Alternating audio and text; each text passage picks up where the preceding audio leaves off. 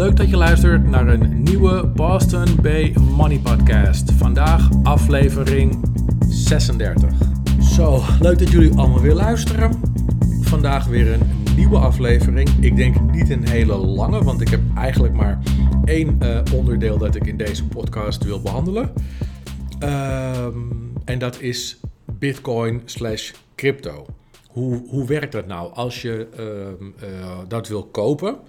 Hoe werkt dat dan? Hoe, hoe gaat, het is niet uh, dat je denkt, nou ik maak het even over en klaar is Kees. Ik koop ergens bitcoin op de hoek van de straat. Het is ietsje ietsje ingewikkelder.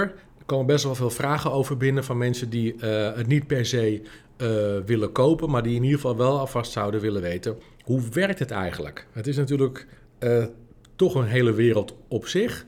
En het is handig om in ieder geval de basics, los van wat je ook van Bitcoin en crypto en dat soort spul vindt, is het in ieder geval handig om een klein beetje kennis te hebben van de basics. En dan ga ik niet helemaal inzoomen op hoe, hoe werkt Bitcoin en et cetera, et cetera. Maar dat mogen jullie zelf doen, of dat doen we een keer in een andere aflevering als jullie dat leuk vinden.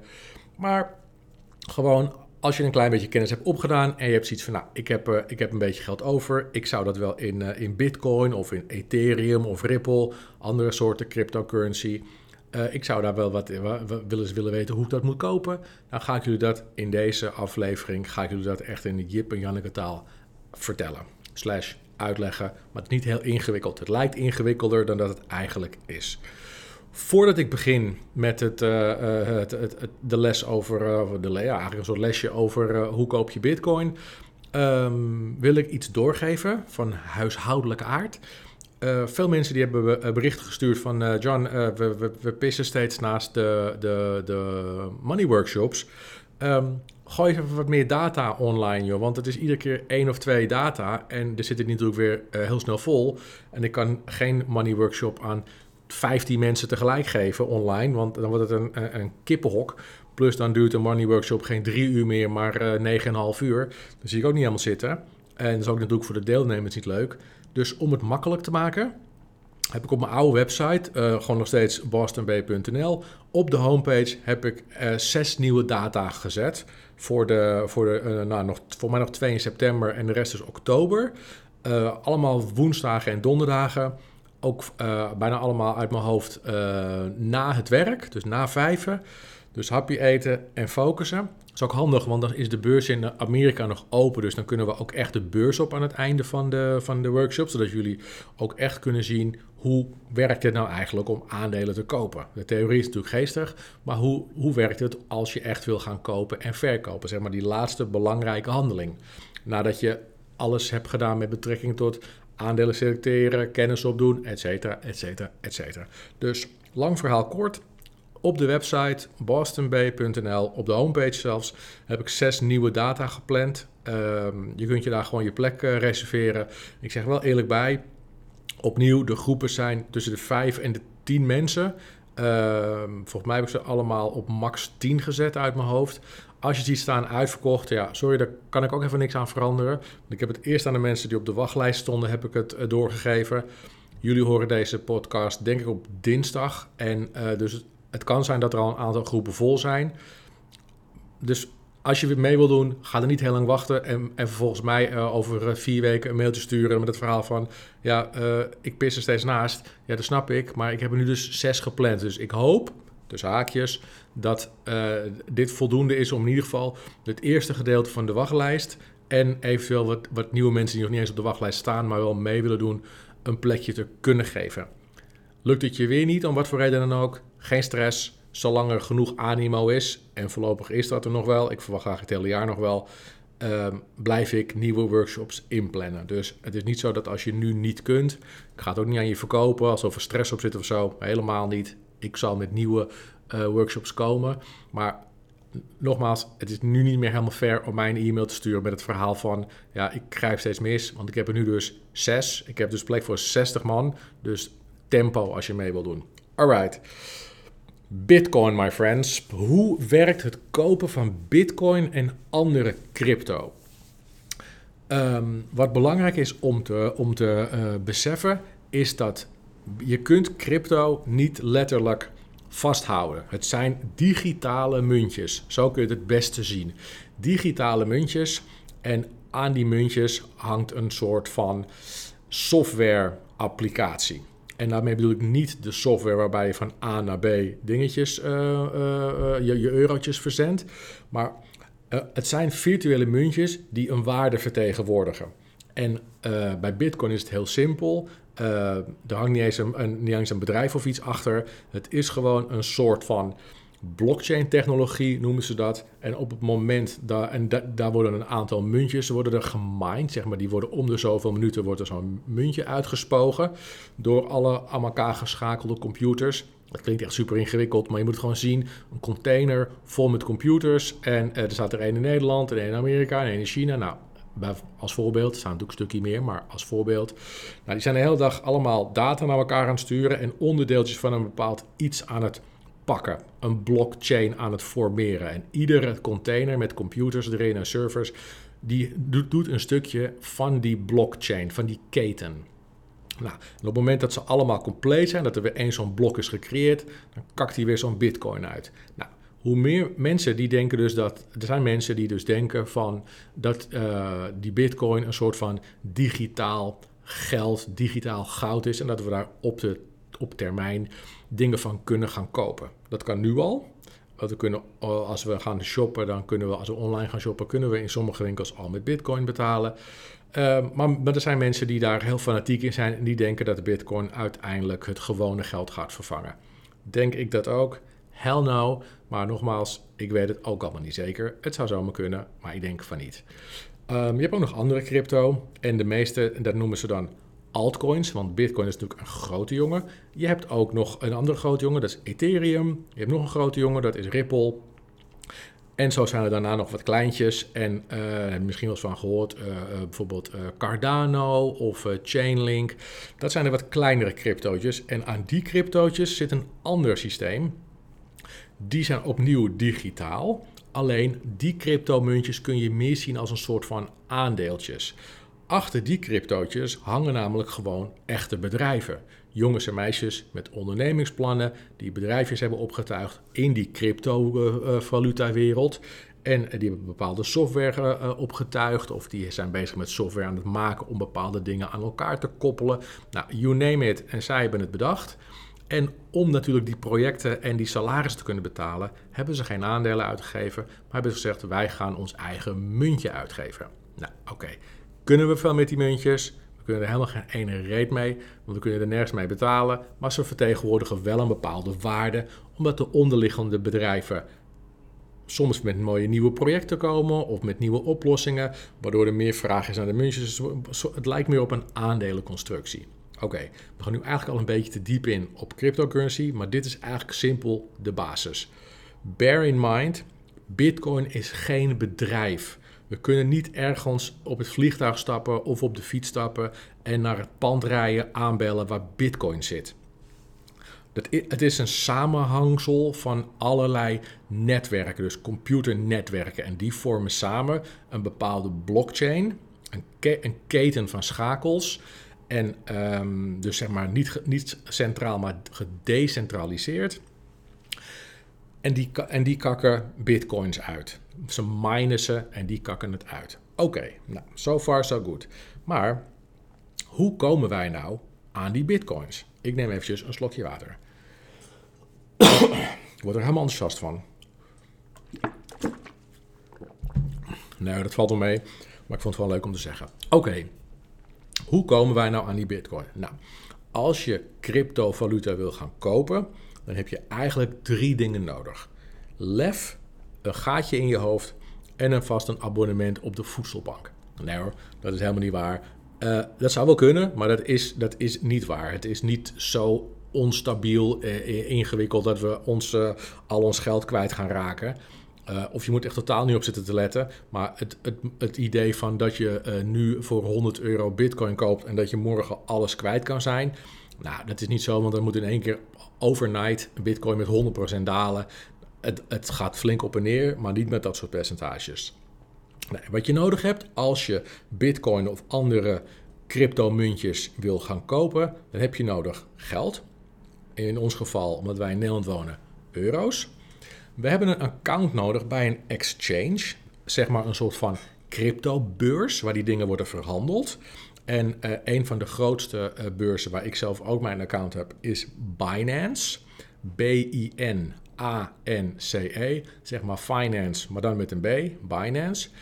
En je hebt in sommige gevallen een wallet nodig, een portemonneetje. Heb je misschien eens van gehoord? Ga ik aan het einde van het verhaal ga ik daar ga ik vertellen wat een wallet is. Oké, dus om jouw geld, een gedeelte van jouw eurotjes, laten we, gewoon, laten we het even voor het gemak heel makkelijk maken.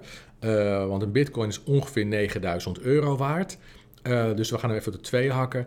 Je hebt 4.500 euro heb jij uh, over. Je hebt misschien een beetje geld gekregen van opa en oma. Ik zeg maar, wel even voor het verhaal, jongens. Anders gaan we allemaal komma's en centjes zitten kloten. En dat schiet niet op. Dus we hebben 4.500 euro hebben wij. Oké, over om in crypto te gaan investeren. En ons favoriete crypto voor het verhaal is even simpel Bitcoin. Alright. Nou, we, zitten elkaar aan te kijken met die 4.500 euro ligt op tafel. En we zeggen, ja, hoe, hoe kunnen we dit nou, deze 4.500 euro, nou veranderen in, in bitcoins? Nou, wat, je dan, wat je dan moet doen, is om te beginnen, je moet een account openen bij zo'n exchange. Dus uh, in dit geval openen we een account bij Binance. Schrik niet, paspoort scannen, de, hele, de hele teringzooi. Het is, het is niet een een of ander buurtsupermarktje waar je een zakje chips haalt. Het is allemaal uh, redelijk goed en streng beveiligd. Dus je moet eventjes je, je, je identificeren, et cetera, et cetera, et cetera. Het duurt eventjes. Maar goed, uiteindelijk na, na, een uurtje of zo hebben we een account bij onze vrienden van Binance. Nou, staat daar keurig, uh, laten we voor het gemak even zeggen dat jij uh, Karel Petersen heet. Karel Petersen, bla bla bla, boom. Maar 0 euro staat, of 0 bitcoin, logisch, want we hebben nog steeds die 4.500 euro die we over hebben op onze gewone ABN AMRO rekening staan. Er is nog helemaal niks gebeurd. We hebben alleen een rekening geopend of account geopend bij Binance, de exchange slash de beurs. Alright. Wat we nu nodig hebben is een derde partij. Je, we moeten een partij hebben die ons kan helpen om van de ING of de ABN AMRO dat geld naar Binance te krijgen. Nou, dat is een derde partij en dan, die, dat zijn partijen bijvoorbeeld als uh, Satos of uh, Bitonic. Nou, je hebt er nog meer. Als je heel simpel gaat googlen van, uh, van euro naar bitcoin, dan zie je echt een shitload aan bedrijven staan die dat, die dat goed kunnen. Ik gebruik zelf meestal Satos of Bitonic. Oké. Wat je vervolgens ziet staan is, uh, overigens, daar moet je jezelf ook weer identificeren. Uh, met je paspoort en, uh, en een foto, et cetera, et cetera. Want ook zij moeten aan, de, aan de regering kunnen laten zien wie hun klanten zijn. De, de, de, tijd dat we lekker geld gingen witwassen via bitcoin is iets ingewikkelder geworden. Dus um, het is wat uit het, uit het criminele circuit getrokken. Dus we moeten allemaal eventjes onszelf identificeren. Dus ook bij deze jongens moeten we weer even door de molen. Maar goed, uiteindelijk hebben we dat ook gedaan. Dus met een uurtje ook wel geregeld. En dan kunnen we dus via die website, kunnen wij dus, let altijd even op het slotje, maar dan kunnen we dus via die website van onze, via Ideal, onze euro's omzetten in, in dit geval, Bitcoin. Nou, wij sturen 4.500 euro via Ideal naar Binance, waar we ons account hebben geopend. En dat doen we dus via zo'n derde partij, waar we ook een account hebben geopend. Want zonder hun lukt het eventjes niet. Oké. Nou, duurt eventjes, dat, eh, want uh, opnieuw, dit gaat ook weer allemaal via die blockchain, dus dat duurt eventjes. En uh, nou, met een, laten we voor het verhaal zeggen, met een um, uurtje is dat normaal gesproken wel gepiept. Maar op het moment dat jij geld wil gaan overmaken van jouw ABN AMRO-rekening via een partij als Satos of Bitonic, dus via zo'n zo'n transferbedrijf, dan zullen zij jou vragen om jouw Bitcoin-adres. Ze moeten het natuurlijk ergens laten landen. Nou, in jouw Binance, dus in jouw exchange-account, uh, staat jouw, jouw uh, Bitcoin-adres. En dat is echt een fucking lang adres. Heel, heel ingewikkeld. Dus dat moet je niet gaan zitten overtypen. Dan moet je copy-pasten. En wel even goed doen. Want als je een, een verkeerde een verkeerd tekentje of een tekentje te weinig of wat ik wat intypt en je drukt op enter en uh, gaat jouw geld versturen naar Binance en het klopt niet, dan is je poen weg. Het is geen bank die gaat zoeken waar het is gebleven. Uh, zij zeggen heel simpel, we weten niet waar het is. En Binance heeft het ook niet ontvangen, dus het is gewoon kwijt. En je gaat het ook nooit meer terugkrijgen. Dus zorg goed voor dat je dat copy-paste eventjes heel secuur doet. Check, check. 80 keer dubbelcheck, want 4.500 euro is gewoon serieus geld. Oké, dat is voorbeeld hè jongens. Het hoeft niet per se dat bedrag te zijn, maar het is het voorbeeld. Alright, nou, wordt allemaal, wordt allemaal doorgestuurd. En uh, zo na een uurtje doe je je Binance eens open en dan zie je gewoon een halve bitcoin staan. Dan denk je, schrik je niet helemaal dood, want dat klopt. Want een bitcoin is ongeveer 9000 euro. We hebben 4.500 euro overgemaakt. Satos heeft een klein beetje geld achtergehouden. Uit mijn hoofd iets van 2, 3 euro. Dat is hun fee. Zij moet ook ergens van leven. En het restant is op onze Binance-account binnengekomen, waar we nu de trotse bezitters zijn van een halve bitcoin. Oké. Nou, dan zitten wij daar naar te kijken en dan laten we dat aan de mensen om ons heen zien. We hebben een trots gevoel en zeggen, nou, huppatee, dat hebben we toch weer eventjes mooi gefixt. Dus op die manier breng je dus je euro's over naar, naar uh, of breng je, verander die eigenlijk in bitcoins, in crypto. Maar we hebben nu gekozen voor bitcoins. Oké. Nou, um, op het moment dat jij uh, naar die account kijkt en je denkt van ja, ik heb nu bitcoins, maar ik wil eigenlijk liever, uh, ik zeg maar wat, Chainlink of Cardano. Um, en je, dat kon je niet via Satos al gelijk doen. Want je kon kiezen, als je het via Satos naar je Binance toestuurde, dan kon je kiezen uit uh, uh, Bitcoin, Ripple, Ethereum en misschien nog een paar. Maar het muntje waar jij nou juist zo dol op bent, staat er weer net niet bij. Dus je hebt het overgemaakt in, naar Bitcoins. Je hebt nu dus, ben je nu de trotse bezitter van een halve Bitcoin. En je gaat eens kijken wat kost eigenlijk, het, laten we zeggen, het muntje Cardano? Nou, dan zie je staan dat het muntje kost geen reet, kost iets van uh, eh, 10 cent. Dan denk je, nou weet je wat ik doe? Ik wilde daar wel graag uh, eh, 100 van hebben, ik zeg maar wat. Nou, dan ga je dus van je bitcoins die Cardano kopen. Nou, en dan wordt het een beetje ondoorzichtig allemaal, want je moet constant natuurlijk weten, wat is die bitcoin waard en wat is, dat, is die Cardano waard? En dat is waar, waar het voor veel mensen ingewikkeld gaat worden, omdat het nergens terug wordt gerekend. Je ziet nergens euro staan. Althans, je ziet bijna nergens euro staan. Je, je, je rekent plots af in bitcoins. Dus, maar die bitcoin-koers die beweegt natuurlijk een beetje. is niet zo stabiel als de euro of de dollar. Dus daar, daar, daar, moet je even een beetje scherp op zijn en uh, je, weg in vinden. En even goed, misschien een appje downloaden of zo, zodat je het allemaal een klein beetje kan monitoren wat het ding nou eigenlijk doet. Um, dat staat natuurlijk ook wel in Binance zelf, maar het is altijd handiger om af en toe eventjes te checken van wat is dat ding nou eigenlijk waard en hoeveel, heb, hoeveel ga ik nou eigenlijk uitgeven aan die, um, bijvoorbeeld die andere muntjes die ik ga kopen van mijn bitcoins. Het is net even anders dan dat je gewoon simpel in jouw gewende euro's afrekent. Oké, maar je hebt dus op een gegeven moment heb je een paar van die Cardano's gekocht en misschien heb je nog wat, uh, wat andere muntjes gekocht. En dan zie je dus in je Binance-account staan dat je dus geen halve bitcoin meer hebt, want je hebt een beetje gebruikt om Cardano te kopen. Je hebt misschien nog een paar muntjes gekocht en dan zie je die muntjes allemaal keurig onder elkaar staan en wat ze waard zijn in euro's.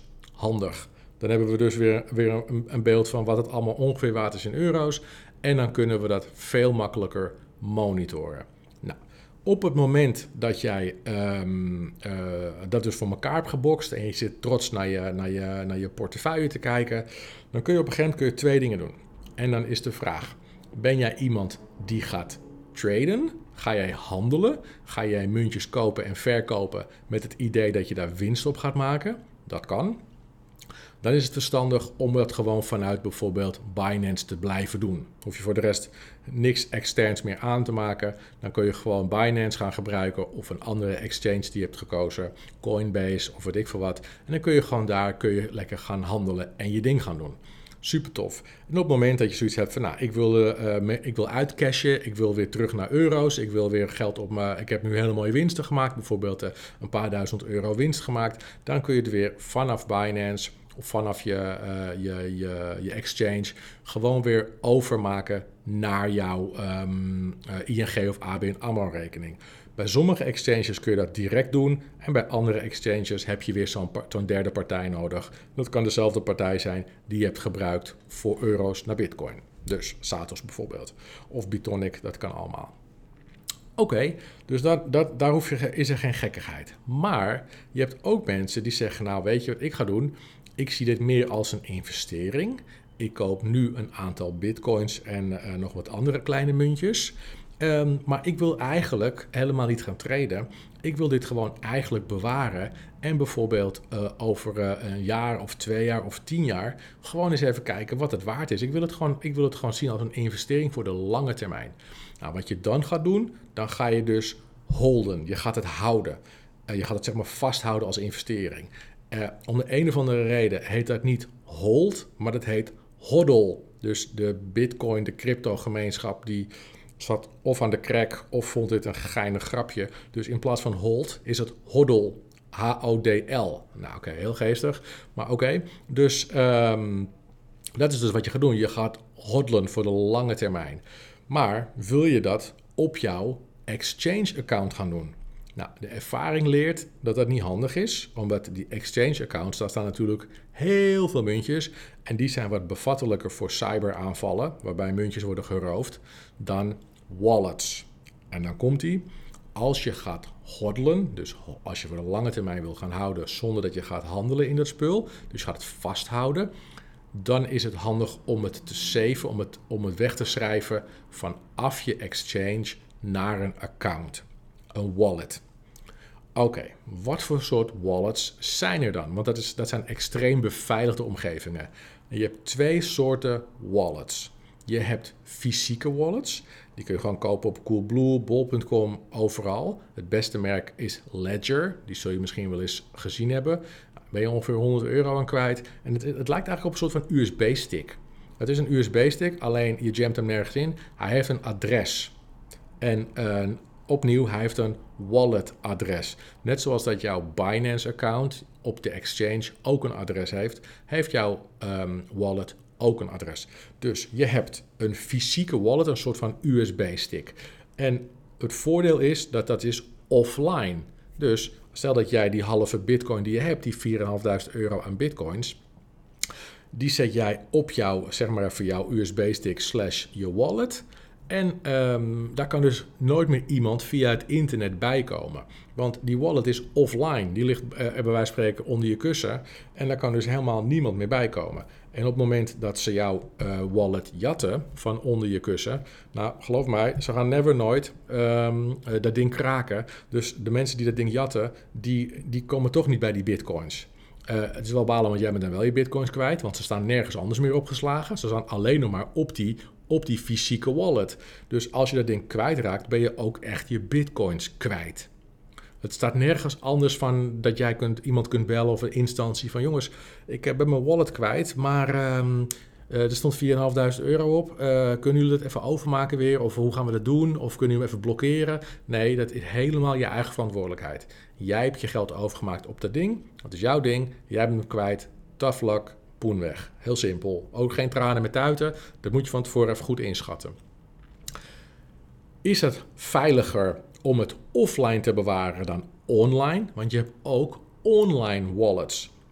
Nou, het voordeel is dat je offline um, niet te kraken bent. Dus uh, mensen kunnen niet via het internet jouw, uh, jouw uh, bitcoins pikken. Dat is één.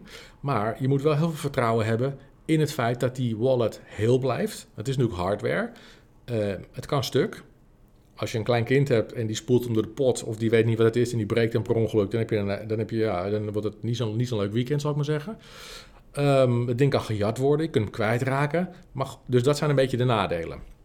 Het voordeel is, het grootste voordeel is eigenlijk dat je online niet te kraken bent. Want je, je, bespaart, je bewaart jouw bitcoins offline. Dus dat is het voordeel. Moet je zelf weten wat voor jou belangrijk is.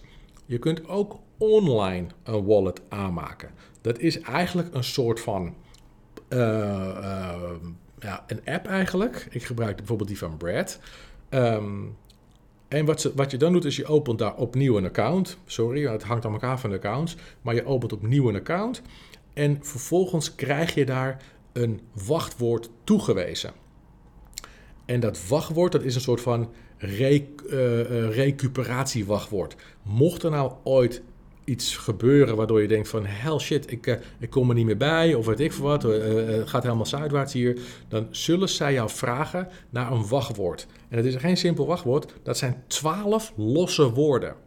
Die twaalf losse woorden die hebben een bepaalde volgorde. Die krijg je uiteraard aangereikt, die volgorde. En die moet jij ergens opslaan. En dat is dus een beetje het, irritante met een online wallet. Je moet alsnog ergens offline je wachtwoord gaan opslaan. Dus zij adviseren je schrijft op een papiertje of wat ik voor wat. Nou, ik heb het op een andere manier veilig opgeborgen. Ik kan natuurlijk niet vertellen hoe, maar zo heeft iedereen zijn eigen manier om die twaalf woorden, die fucking belangrijk zijn, om die te bewaren. Het is overigens niet zo dat iedere keer dat je inlogt, dat je niet twaalf woorden moet typen. Je kan, je kan gewoon in je app komen met je vingerafdruk of uh, uh, met, een, met een korte pincode, zoals we dat ook kennen van internetbankieren. En je maakt dus, je maakt die account aan op, op, de, op dat platform voor die online wallet en je schrijft jouw bitcoins over van het adres van in dit geval Binance, je exchange, naar je nieuwe um, uh, wallet adres in mijn geval van Brad. Weer een nieuw adres, oké. En dan schrijf je dat over. Dat gaat over het algemeen heel makkelijk, gewoon met een QR-code, scan, scan. En vloep, daar gaan ze. En dan zijn ze dus weg van je Binance, van je exchange. Je hebt ze daar ook niet nodig, want je had besloten om niet te gaan handelen. Dus je wilt ze voor de lange termijn. Dus je slaat ze veilig op in je online wallet. Nou, dan kan je er af en toe naar kijken. En daar wordt ook gewoon keurig de koers en zo bijgehouden. Dus je ziet je wallet meer waard worden en minder waard worden. En dan is het eigenlijk gewoon heel simpel. Uh, haal je over een paar jaar het net op en dan kijk je wat er is gebeurd met de waarde van jouw crypto. En dan kun je ze, uh, als je zou willen, misschien ook wel tussentijds, dan kun je misschien af en toe zeggen, nou dat het is gestegen bijvoorbeeld. Dat je zegt, nou ik ga een gedeelte van mijn bitcoins in mijn wallet, die ga ik verzilveren in euro's. En dan maak je ze gewoon over van jouw wallet richting je ABN AMRO. Bij sommige um, online wallets, bij sommige digitale wallets kan dat gewoon één op één. En bij andere online wallets heb je opnieuw een derde partij nodig, zoals wat ik eerder al zei, Satos of Bitonic, die je al in het verleden hebt gebruikt om jouw euro's om te zetten in bitcoins. Dat is eigenlijk in een nutshell hoe je dus crypto kunt kopen. Dus nog eventjes in vogelvlucht. Euro's op je ING-rekening. Je hebt een derde partij nodig, Satos, om het van, in dit geval Satos of een soortgelijke partij, om het van je ING naar je exchange te krijgen. Voordat je dat kunt doen, moet je eerst je account aanmaken bij de exchange. Want die derde partij, die tussenpartij, die dus die transfer regelt, die zal jou vragen naar een Bitcoin-adres. Als je dat niet hebt, kan hij het ook nergens naartoe sturen natuurlijk. Dus dat moet je eerst maken. Vervolgens staat het daar lekker te marineren en kun je vanuit je bitcoins kun je wat andere muntjes kopen. En als je zoiets hebt van, nou, cool, ik ga er meer mee handelen, laat je het lekker op je exchange uh, account staan, op je Binance, doe je lekker je dingetje. En als je iets hebt van, nou, liever niet, ik ga het voor de lange termijn doen, dan adviseer ik je om het weg te halen van een exchange account en het over te schrijven naar een wallet. En je hebt een wallet in een fysieke situatie, dus een soort USB-stick, en je hebt een wallet die je online kunt benaderen. Nou, dat is eigenlijk het hele eieren eten van crypto kopen. Ehm, we zijn inmiddels een half uur verder. Ik hoop dat het duidelijk is. Mocht het nou niet duidelijk zijn, stuur me dan eventjes een berichtje. info dan, dan, probeer ik het nog een keer uit te leggen. Of als je wil dat ik even een bel geef, dan kan ik dat ook doen. Ik ga geen adviezen geven over wat de beste crypto is om te kopen. Uh, simpelweg, A, mag ik het niet. En B, zou ik het ook niet weten. Dus daar heb je, heb je niet zoveel aan mij op dat gebied. Um, dus dat is eigenlijk wat ik je op dit moment, als je het idee hebt of het gevoel hebt of de wens hebt om Bitcoin of iets dergelijks te gaan kopen, is dit the way to go. Zijn er nog andere manieren? Vast en zeker. Maar dit is de manier die ik gebruik en het werkt voor mij prima. En dit is ook de manier waarvan ik weet dat de meeste mensen hem gebruiken. Dus als je het wil gaan doen, luister voor de zekerheid nog een keer de podcast. Check het internet. Zoek even een paar goede partijen op waar je een goed gevoel bij hebt. En ga geen bochtjes afsnijden. Want nogmaals, het is niet zoals een bank. Als je zelf fouten maakt, ben je echt zelf verantwoordelijk. En je bent dan gewoon je poen kwijt. Dus ga lekker je ding doen. En uh, als je vragen hebt, let me know. Wil je uh, met me connecten of op een andere manier contact met me maken of, of me blijven volgen of noem maar iets op, dan kun je dat doen via LinkedIn. Gianni Amato, stuur me alsjeblieft een connectieverzoekje. En ik ben anderzijds ook te vinden op Instagram op Boston Bay underscore money management. Jongens, super bedankt voor het luisteren. Maak er een mooie dag van en op naar de volgende.